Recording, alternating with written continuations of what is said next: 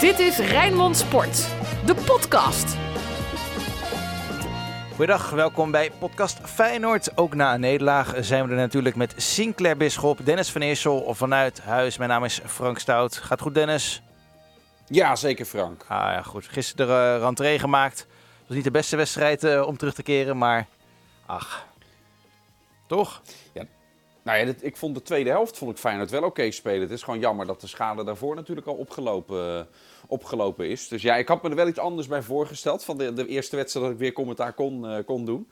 Maar uh, helaas, we zullen het uitgebreid over hebben, denk zeker, ik. Zeker, En we gaan uh, afspreken dat dit niet de grote alleen maar Dennis Hiegler afzeik podcast Waarom? gaat worden, dus, toch? Dus, heb jij aandelen in Hiegler? Nee, maar het was niet alleen maar de schuld van Hiegler dat Feyenoord heeft verloren, toch? Nou, ik denk wel dat het uh, twee essentiële momenten waren. Waardoor, en dan kan je hè, over discussiëren of het penalties waren of niet. Maar dat heeft er wel voor gezorgd dat Feyenoord natuurlijk... Uh, hè, Feyenoord kwam eigenlijk nauwelijks in de problemen in de eerste 25 minuten. Het was eigenlijk een wedstrijd hoe we heel vaak hebben gezien hoe Feyenoord een wedstrijd aangaat. Die ze dan uiteindelijk winnen. Nou ja, mede door het moment. Mede, ja, mede. En daar is ook uh, Jorrit Hendricks schuldig aan.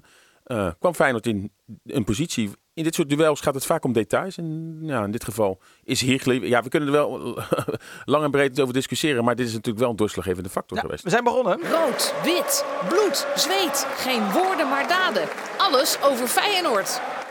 Dennis, de eerste strafschop was terecht. Zei Sinclair ook in zijn analyse na afloop, toch? Uh, nou, ik vind uiteindelijk, ik heb het teruggekeken, ja, terecht. Beide strafschoppen kun je geven. En ik snap in ieder geval, bij beide strafschoppen, nu ik het heb teruggezien, dat de VAR het niet uh, terugdraait uh, daarna. Want ja, er is uiteindelijk contact. En zeker bij die tweede jaar is dit dan zo hard dat je op die manier moet neergaan. Hij is al een beetje in de lucht, hè, raakt daarbij uit balans. Die eerste is hoogst ongelukkig. Het is niet Hendricks' bedoeling en die bal is al ver weg. Maar ja, hij struikelt wel doordat er contact is met Hendricks. Dus ja, daar kun je niet omheen. Uh, dus al met al begrijp ik wel dat de VAR ingrijpt. Die eerste als scheidsrechter. Ik ben namelijk ook benieuwd. Ik denk ook niet dat de VAR had ingegrepen als die niet gegeven was. Door, uh, door Hiegler bij die eerste. De tweede had de VAR misschien alsnog wel naar het scherm geroepen. Want dat doen ze, doen ze bij elke scheet. Ja, precies. Dus ja, er is discussie over. Maar hoe het is gelopen, achteraf bezien, ja, ja ik, ik begrijp het uiteindelijk wel. Nou, kijk, bij het eerste moment, Bijlo zou gewoon die bal hebben. Dus het is gewoon niet slim ja. van Hendricks. Maar je kan wel de discussie plaatsen of de eerste overtreding niet gemaakt wordt door Dani de Wit. Die een duw geeft, waardoor ook uh, Hendricks uit balans wordt gebracht. En die inderdaad een overtreding begaat. Daarna kan je ja. ook dan, dan de discussie voeren, als het een penalty is... Kan je, kan je het ook uitleggen als uh, een scoringskans ontnemen en dus een Rood. rode kaart. Dat had Mario van den Endigs uh, nog getwitterd, hè? Ja, en later in de wedstrijd zien we ook bijvoorbeeld dat Bruno Martins Indy gewoon eigenlijk gewoon een tweede gele kaart en dus ook rood moet hebben. Dus ja, de scheidsrechter had niet daarbij, hè, met, het, met het ontnemen van een scoringskans, weegt daarbij ook niet mee dat die bal al dermate ver weg was dat hij hem toch niet meer had kunnen nou, spelen. Dus, het, ja, het is discutabel. Ik zeg niet dat het had gemoeten, Dennis, maar dit, dit discutabel feit is wat ik, wat ik, moraal van mijn verhaal is dat Dennis Hiegler gewoon een hele ongelukkige wedstrijd vloot met heel veel momenten die ja, anders te interpreteren zijn. En natuurlijk, na afloop is het er ook lang over gegaan. Want jij wilde het niet lang over Hiegler hebben. Maar het is wel natuurlijk een nee, opvallende nee, nee, ik wil het best statistiek. over Hiegler hebben, maar ik wil het niet alleen maar in de schuld bij Hiegler uh, Nee, maar ik vind het wel opvallende statistiek. Als er Nee, vijf penalties dit jaar zijn tegengegeven, waarvan de één nog door de VAR is teruggedraaid in Utrecht. Dat die vijf penalties tegen Feyenoord allemaal door Hiegler zijn gegeven. Het lijkt wel of voordat de overtreding gemaakt is, zie je half naar die stip wijzen. Eh, en 57% van de penalties die Hiegler heeft gegeven zijn tegen Feyenoord. En, en dat is niet alleen die, die penalty-fragmenten, maar ook tegen Ajax hebben we natuurlijk ook een moment gehad dat Feyenoord de penalty wilde bij een hensbal van Schuurs die niet gegeven werd. Een rode kaart die daar eigenlijk denk ik wel volgens de regels gegeven had moeten worden aan Anthony. En dat gevoel, dat proef je wel bij de Feyenoord-spelers. Dat ze denken, hé, hey, valt wel een beetje op eh, de, de, de, de negatieve beslissingen die tegen ons worden genomen. Dat, dat gevoel, daar ga ik wel in mee. En dat zal ongetwijfeld wel weer uitgelegd worden als Calimero-gedrag. Maar het valt wel op zo'n statistiek. Het is een heftige Ja, ik vond statistiek. de tweede, eh, de tweede vond ik wel heel erg makkelijk gegeven. Dat was, dat ja, hoe heb jij dat ervaren, Dennis? Dat duwtje van Malasia. Ja, precies hoe jij het zegt. He- eh, er is contact, maar het is heel erg licht. Raakt hij daardoor nou echt uit balans? Ik kan het me haast niet, eh, haast niet voorstellen. Dus ook slim gedaan dan door Sugawara. Maar ja, als de scheidsrechter hem geeft, wat ik zeg, de VAR gaat dat natuurlijk never nooit terugdraaien. Want er is overduidelijk een, een, een armpje in de onderrug. Dat, dat contact is er. Ja, het is allemaal, allemaal heel erg licht. Ja, ik- ik had zoiets Het bepaalt wil- natuurlijk wel enorm het verloop van de wedstrijd. Ja, nee, kijk, als je fluit voor duwtjes in het strafschopgebied, dan kan je dus ook fluiten voor het duwtje van Dani de Wit. Weet je, zo kan je het ook, zo kan je het ook uitleggen. Aan de andere kant, Uh, we hebben ook Geertruida een mogelijke hensbal uh, zien maken. Waardoor, volgens mij was het Carlson die anders door was gebroken. Ja, en, en ik uh, de 3-0 werd natuurlijk afgekeurd. Dat was terecht. Maar er zijn natuurlijk ook mensen die het misschien niet hadden gedaan. Ja, die discussie bij Geertruida begrijp ik niet zo. Want die bal komt toch overduidelijk op, het, op zijn bovenarm, net onder de schouder. Dat is toch geen hens? Ja, daarover kan je discussiëren, denk ik maar. Nou, ik, ik, ik moet heel eerlijk zeggen, um, die 3-0, ik, zie hem terug. Als Feyenoord zo'n doelpunt had gemaakt en dan zou worden afgekeurd, had ik echt gedacht, waar, ja. wat, waar zit je nou weer naar te zoeken? Hebben we ook een keer gehad, hè? Zo'n soort moment met, met, met Dessers. Met maar Bruno in die, daar moest ik meteen aan denken. Maar Bruno Martins in die hindert uh, de keeper van Feyenoord niet. Dus het kwam Feyenoord goed uit. Maar ik, ik vond dat, nou ja, ik, ik had hem niet afgekeurd als ik scheidsrechter was geweest. Want ja, vond je dit nou echt hinderlijk buitenspel? Nee. Dus ja, Higler heeft er gewoon een, een, potje van gemaakt. En de vraag is misschien wel gerechtvaardigd of deze scheidsrechter wel zo goed is om dit soort potjes, hij heeft ook Feyenoord Ajax gefloten onlangs, om dit soort scheidsrechters deze wedstrijden, waar veel belangen bij op het spel staan, te laten fluiten. Nou ja, kijk, de, de spoeling is natuurlijk dun. Hè? Nu Kuipers is gestopt, dat was de beste. Nou ja, Makkeli is de ene beste. Maar daaronder, ja, weet je, Nee, maar kijk, je kan zeggen van Nijhuis natuurlijk, Guzebujuk, Ja, dat zijn wel uh, degelijke scheidsrechters die zo'n wedstrijd in ieder geval wel relatief in goede banen kunnen leiden. Maar ja, deze scheidsrechter uh, daar blijkbaar niet. Uh, wat me wel verbaasde, is dat Feyenoord zo makkelijk hun kopie kwijt was na die strafschoppen. Ja. Had ik niet van Feyenoord verwacht, Dennis. Ja, eigenlijk na die eerste strafschop vallen. Want daarvoor was er niet zo gek voor aan de hand. Feyenoord creëerde zelf ook niet al te veel, maar AZ al helemaal niet. Ehm, en en dat, opeens was het, uh, ging het helemaal mis wat dat betreft. En dat heb ik bij Feyenoord dit seizoen eigenlijk nog niet zo, nog niet zo veel um, gezien. En, daar schrok ik inderdaad wel een beetje ja, ik van. Dat, Hoe verklaart dat nou? Uh, ja, ik denk, wat Slot na afloop ook echt zei, uh, dat daarbij echt, hè, waar we het net over hebben, uh, je moet het niet alleen wijten aan die scheidsrechter, maar op een gegeven moment, zelfs al zijn alle beslissingen, al die strafschoppen, zelfs al zijn ze allemaal terecht die hij heeft gegeven, op een gegeven moment is het wel iets gevoelsmatigs ook natuurlijk, wat, wat tot frustratie leidt en wat in die hoofden gaat zitten. Ja, dat je dan niet het beste in jezelf naar boven haalt, dat is een stap die Feyenoord dan moet maken. Want het is wel een omstandigheid waar je, waar je verder niks aan kan doen. En de volgende keer dat je weer Hichler hebt, zou je toch ook een mentale manier moeten vinden om daar dan uh, mee om te gaan. En dan bedoel ik puur het aspect vanuit, vanuit jezelf. Hè? Want je kan allemaal naar de scheidsrechter gaan kijken en daarover klagen. Maar dat is geen excuus om dan opeens zo'n laag niveau uh, ook in passing te halen wat in die fases gebeurde. Ook al zijn het tikken die hard aankomen. Maar je kan ook geen 90 minuten inhoudelijk maar de, uh, domineren. Nee, en nee. de eerste 25 minuten ja, was redelijk tot goed. Het baart mij wel zorgen, eigenlijk de laatste week, ook tegen Cambuur dat Feyenoord echt de bovenliggende partij is. Uh, goed aan de bal, positiespel is goed. Maar er worden eigenlijk maar heel weinig kansen gecreëerd. Tot de 16 dan stokt het. Hè? Uh, want eigenlijk zat je te wachten dat dat zo'n overwicht van nou, nu gaat, het, gaat de kans op kans komen. Ja, en dan uh, komt Linse ook weer nauwelijks in het stuk voor. ik moet zeggen, Sinistera zat ook niet helemaal in de wedstrijd. Maar goed, daar, zo nu dan had je nog wel wat aardige acties. Maar dat baart dan misschien meer zorgen. Dat Feyenoord dan toch ja, uh, uiteindelijk nog maar heel weinig kansen weet te creëren. Terwijl er wel echt een overwicht is. Nou, je noemt Linse. Heeft Linse niet gewoon het eerste half jaar boven zijn stand geleefd? Uh, ja, want hij maakte de 11 en als hij de 22 maakt, dat is wel heel erg veel.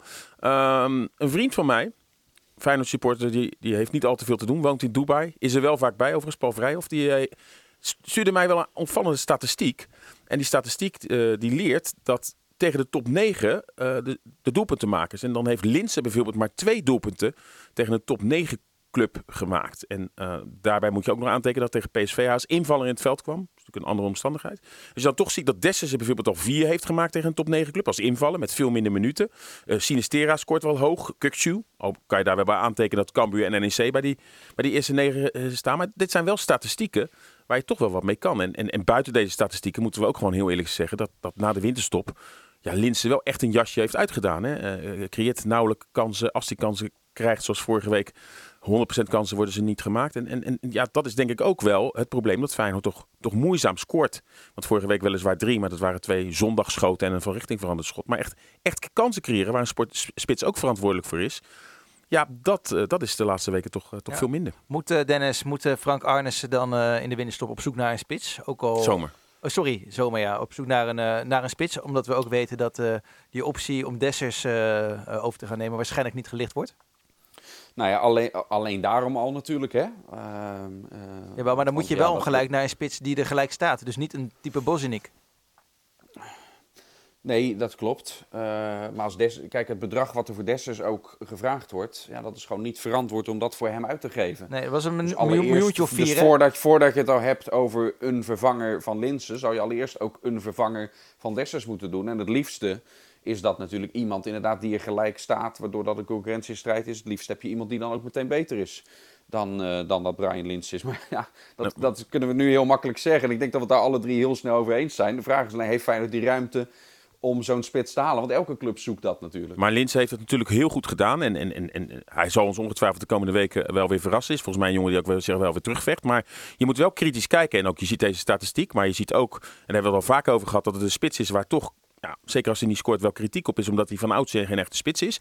En hij zou denk ik ook heel goed een rol kunnen vertolken die Dessers nu vertolkt als invallen. Want er gebeurt altijd wat als hij erin komt. Dus als je bij wijze van spreken een kwalitatief sterkere spits zou halen, uh, komt hij ook echt, echt wel aan zijn wedstrijden. En hij kan ook aan, op andere posities voorin uit de voeten.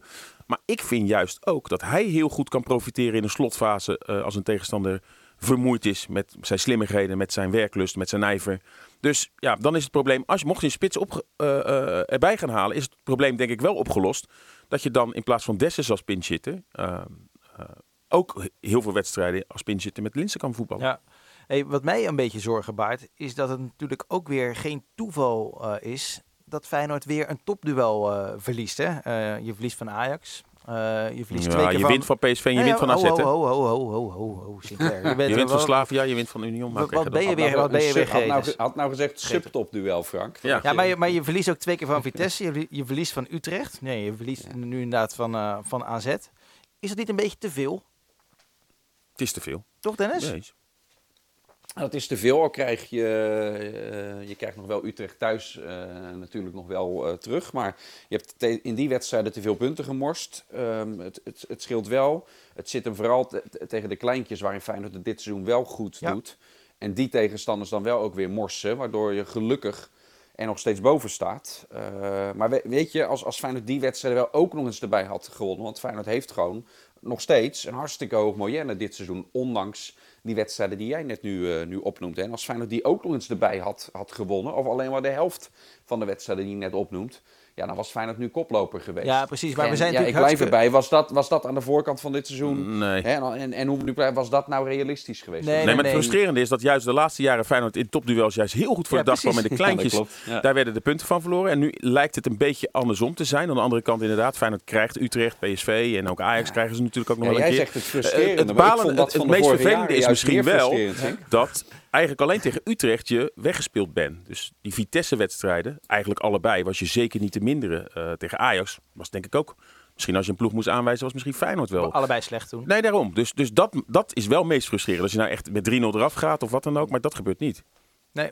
Wat Ja, wij ik, net, ik, ben het daar niet, ik, ben, nou, ik ben het daar niet mee eens. Ik, vind het, ik vond die vorige seizoenen vond ik veel frustrerender. Ik kan het veel beter hebben dat Feyenoord een keer... En helaas, dit seizoen verliezen ze en Vitesse en AZ en Utrecht uit. Ja, dat is, dat is een beetje te veel.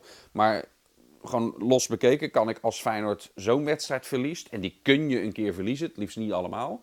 maar dat kan ik veel beter hebben dan als Feyenoord bij, bij een RKC of, eh of Cambuur of, of, of bij NEC of zo tegen een nederlaag aan, eh, aanloopt. Dat vind ik altijd veel frustrerender. Omdat dat voelt gewoon qua kwaliteitsverschillen altijd zo onnodig. En daar heeft Feyenoord al jarenlang een handje van. Nou, dat is de gelukkige, gelukkige Nou, ik- Dus bedoel wel- persoonlijk...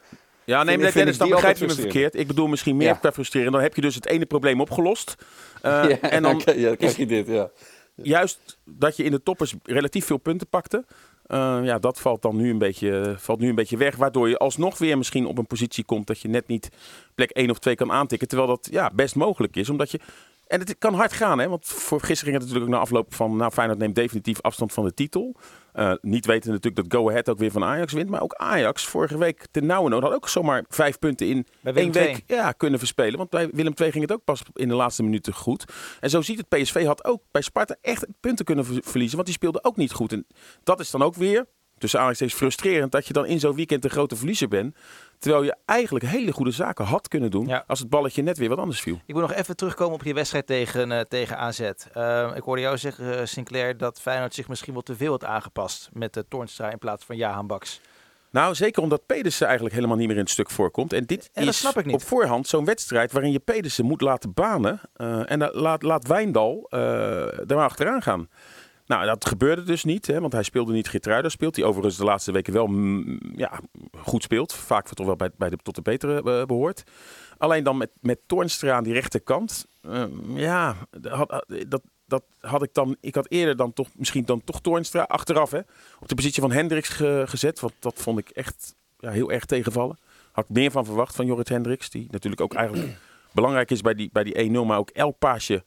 Ja, waar je met Uisnes, en dan zie je het verschil heel groot. Hè? Met Uisnes ben je gewend elke bal naar voren, waardoor er gelijk wat gebeurt. En dit was eigenlijk allemaal een balletje breed of balletje naar achteren. Ja, dat vond ik eigenlijk heel erg teleurstellend. Dan heb je misschien wel te veel aangepast. En het slot zal zeggen, ja, maar in de eerste 25 minuten was niks aan de hand.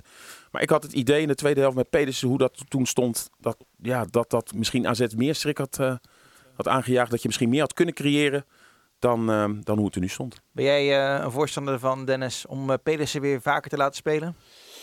Ja, ik ben erg gecharmeerd van, eh van Marcus Pedersen. Toen hij eh, net bij Feyenoord was, had ik wel zo mijn twijfels over ehm, of hij niet verdedigend erg kwetsbaar was. Hè. Dat Karsdorp in het verleden, die had ook zo'n drang naar voren altijd. En die had er een handje van om dan niet op tijd terug te zijn om zijn verdedigende taak, eh, taak dan vervolgens te doen. Dus daar had ik bij hem mijn twijfels bij. Maar Pedersen heeft me daar enorm in verrast in de eerste maanden. Waar moet hij gaan spelen dan, het- in Dennis? het, in het defensief opzicht. Nou, gewoon op die rechtsbackplek. En Hij viel Geertruida? gisteren ook weer, viel ook weer uitstekend in. Ja, ik, ik vind eh, Pedersen eh, dat Feyenoord daardoor beter in zijn spel komt. Ik vind hem verdedigend ook beter dan Geertruida. Ook al is dat een speler uit de eigen jeugd.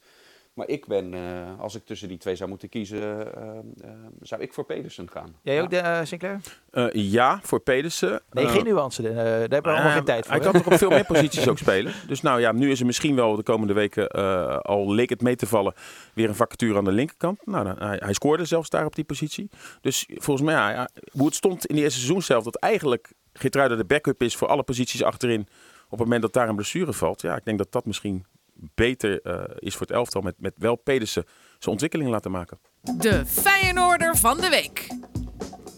Wie? Ja, dan gaan we naar een die hebben we al zo vaak genoemd. Gennard Trauner. Nou ja, ja je kunt- ook iemand anders noemen hoor, denk ik. Wat denk ja. jij, Dennis? Ja, ik vond, ja, nee, ik vond Trauner ook de beste. Want die heeft een paar van die onderscheppingen eh, weer gehad. Anders was, eh, was de uitslag echt groter in het voordeel van AZ geweest. Je kan Bijlo eruit halen.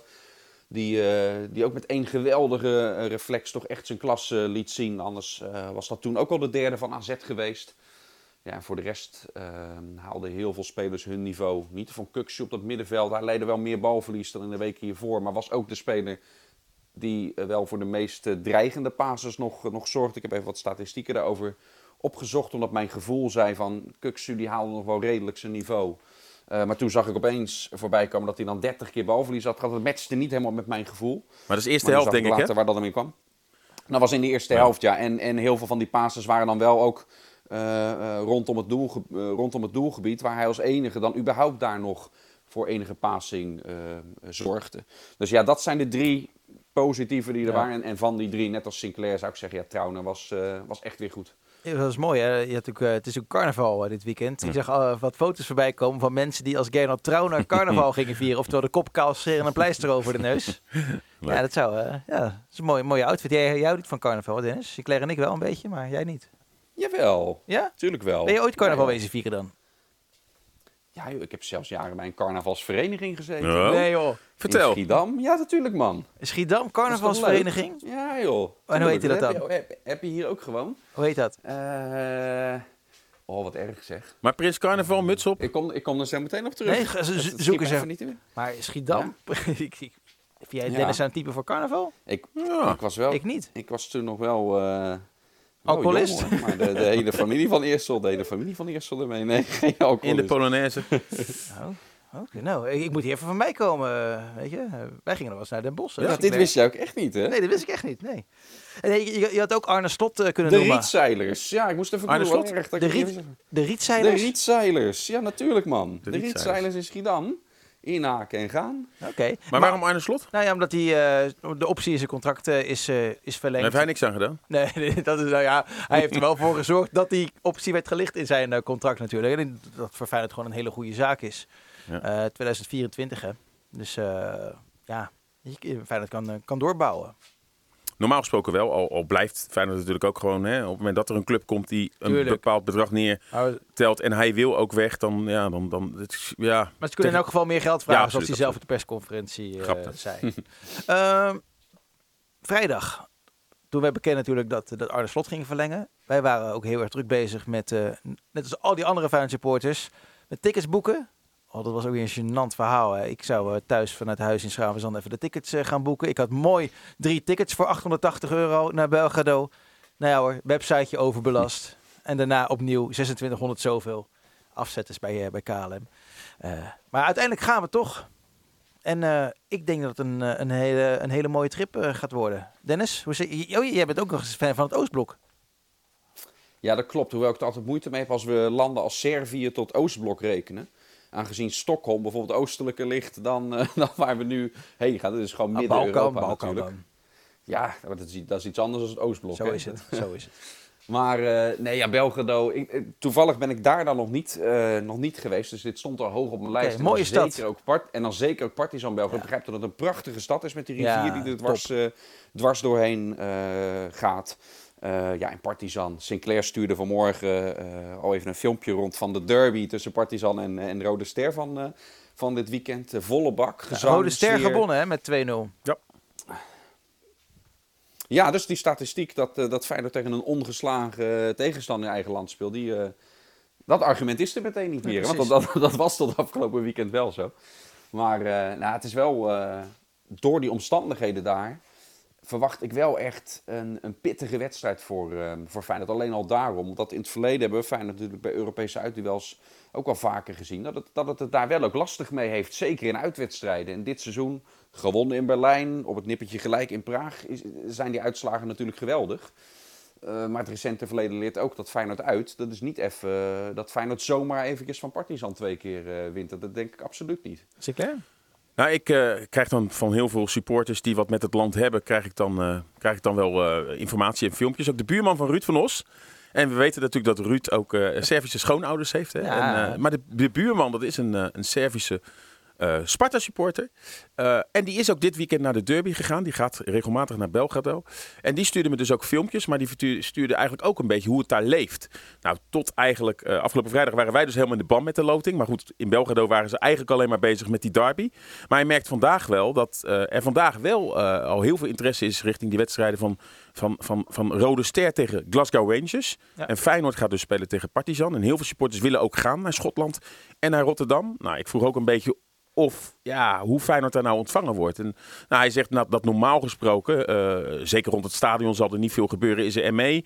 Maar zeker als de Feyenoord supporters gedragen, ja, zijn die supporters van Partizan nou niet dat ze gelijk massaal eh, eh, de aanval zullen openen. Het is wel zo dat het misschien niet zo verstandig is om daar met, met, met, met, met voetbalshirtjes te rond te gaan lopen. Ja, en, en er zijn ook gewoon prachtige gebieden waar supporters kunnen vertoeven. Hè? Want het is, ja, je, je hoorde het net al zeggen dat het natuurlijk geweldig is daar ook met een rivier. Nou, eh, eh, je kan prima een wandeling ook maken in het oude deel van de stad. Het stadsfort, dat heet Ja, dan. En stamt uit het Ottomaanse tijdperk. Ja, dat levert een prachtig uitzicht over de rivieren de Donau en, en, en Sava die er ook samenkomen.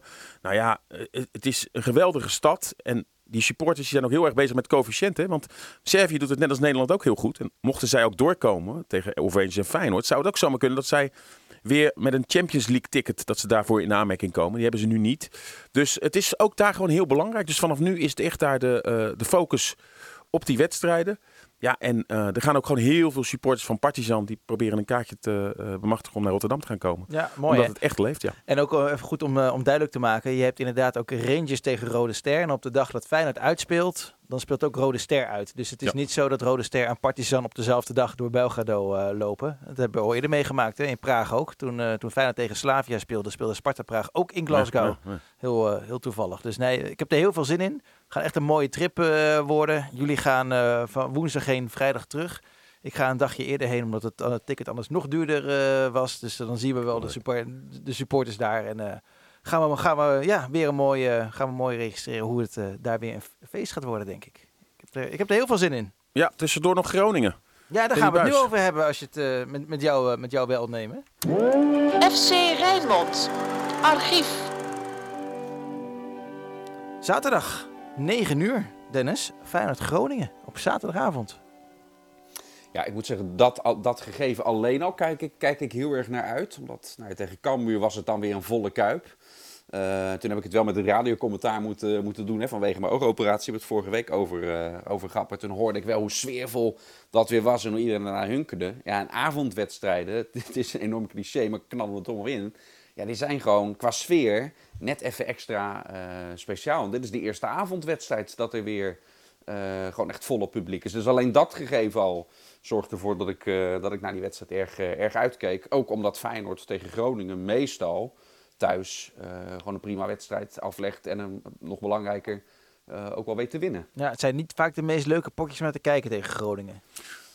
Nee, nee, vaak eh, kleine overwinning. En eh, nee, inderdaad, Groningen-Feyenoord is vaak toch wat meer eh, leuke pot. Nou, niet vaak. Eh, Met Danny Buis als trainer, die, eh, die timmert het allemaal heel Maar erg... de laatste, eh, de heel laatste edities, de laatste edities. Maar goed, eh ik kan me nog een 0-5 herinneren met Rikelia. Ja. Nee, maar ehm Feyenoord-Groningen inderdaad. Ja, En een 0-5 in 93. Ja.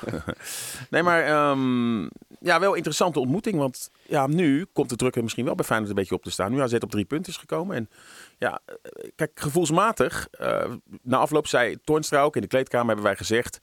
Willen we echt een hoge klassering, één of twee, met name één, dan hadden we deze moeten winnen. Niet weten dat dus eh, eh, Ajax ook nog uiteindelijk punten verspeelt. Dus dat gat blijft hetzelfde. Gisteren Feyenoord had gewonnen en Ajax had ook gewonnen, had het gat ook hetzelfde geweest. Dus gevoelsmatig zeg je van oké, je moet er niet meer naar kijken. Maar Feyenoord heeft nu met eh, de komende tegenstanders met Groningen thuis, Pek Zwolle uit en dan Ajax. Kijk, ja, ongetwijfeld, hè, tuurlijk Ajax uit wordt moeilijk. Maar daar, daar, zullen- daar zal de druk er ook op komen nu PSV dichtbij is Ja. gekomen. Dus het, wordt, het worden wel drie interessante weken. En als Feyenoord natuurlijk eh, eh, echt van Ajax Feyenoord een geweldige wedstrijd wil gaan maken, dan moet het in ieder geval niet tegen hekkensluiter Pek en Groningen tegen Averij op gaan lopen. Is er nog een, eh, een herinnering die bij jullie naar boven komt? Als je het hebt over Feyenoord-Groningen? Nou, bij mij een recente. Robin van Persie was na de winterstop terug bij Feyenoord. Hè, toen hij weer terug naar Feyenoord ging. En toen bij Utrecht viel hij toen in. En ja, had een paar acties. En toen waren er wel veel kritieken van... ja, hij kan het waarschijnlijk niet meer. En wat doet Feyenoord ermee? Ja, toen een van de wedstrijden daarna heel snel Groningen thuis viel hij in. En met een geweldige actie in het strafschopgebied zorgde hij... en eh, maakte zelf een doelpunt.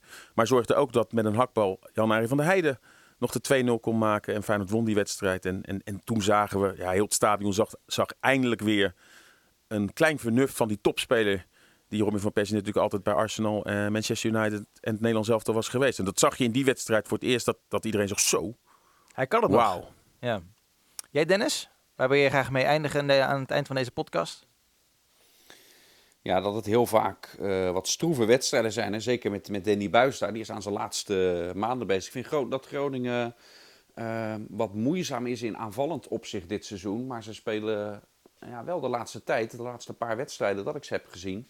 vind ik wel dat ze aardig positiespel spelen en gewoon ook heel weinig weggeven. Dus ja, ik verwacht niet dat het, dat het een doelpuntenfestijn gaat, eh, gaat worden zaterdag. Dat het weer zo'n hele moeizame is zoals we de laatste jaren vaker hebben Ja. gezien. Hè? Volgens mij de laatste twee keer Feyenoord 2-0 en 1-0. eh nipt gewonnen, de laatste twee edities hiervan. En eh, zoiets verwacht ik eigenlijk op, eh, opnieuw. Ja. Feyenoord nog wat goed te maken. Hè? In, in Groningen ver uit de bovenliggende partij. Zo, 1-0 voor. ja.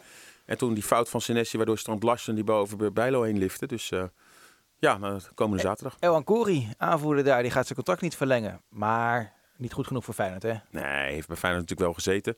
Eh, ik denk dat Groningen wel een beetje zijn niveau is. En nou ja, hij zal misschien naar het buitenland willen om eh, zijn, zak, zijn zakken te vullen. Je weet met wie eh, El Ancori is getrouwd, hè? Eh, nee, maar ik heb wel deze week een heel ander verhaal gehoord. Dat eh, Oh. een van de werknemers, interieurverzorgsters hier... Ja, eh, haar dochter, die gaat met El Ancori. Ja, dat Ik hoorde ik. wist niet dat ze getrouwd waren. Ah, dat weet ik ook niet, maar ze hebben in elk geval een kindje Ja, dat- samen. ja. En zo, dus eh, ja, dat, dat vind ik leuk. Dus eh Laila, leuk eh, eh, Ja. als je luistert. Heel veel plezier eh, bij die wedstrijd, eh, die, die bijzonder is voor haar in elk geval. Nou, helemaal goed. Eh, Jan Evers is de gast in FC Rijnmond maandag. Als Alsof je, we het erom doen, hè? Alsof we het erom doen. Wat bedoel je? Nou, hè, Feyenoord verloren en dan eh, zet- Hmm. zetten wij Jan daar aan Nee, tafel. hij is juist heel vaak bij een overwinning gekomen. Ja, in het verleden, klopt, ik snap wat Dennis bedoelt. Maar in het verleden, in het verleden Ja, hadden we altijd net na een advocaat. nederlaag. nee, maar ook, ook, nee, ook, in, ook in, het kamp, in het kampioensjaar, die spaarzame keren dat Feyenoord verloor, hadden wij net Jan zitten en ging de zaag er even lekker in hoor. Ja. Hey Dennis, ere wie ere toekomt. Gisteren op weg naar Alkmaar. Wat zei ik over Go Ahead Ajax? Ja, ja, ja, dat klopt, ja. ja.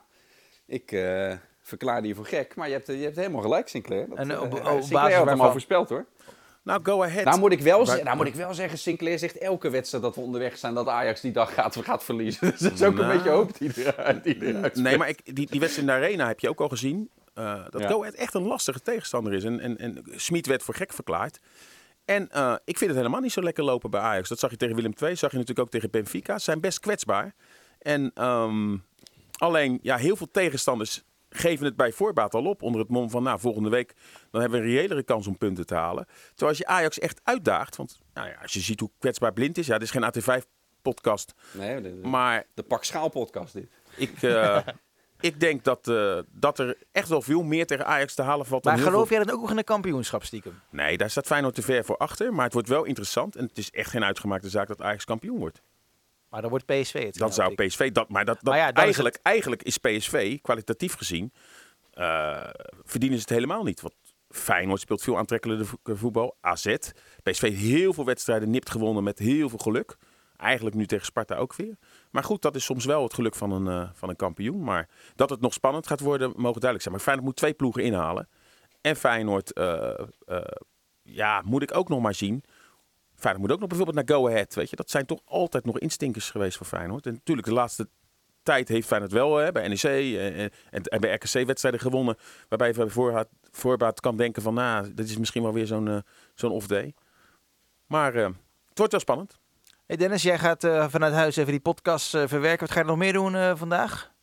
Het is lekker Eh, weer. datzelfde, ga ik ook, datzelfde ga ik ook doen met, eh, met FC Rijnmond.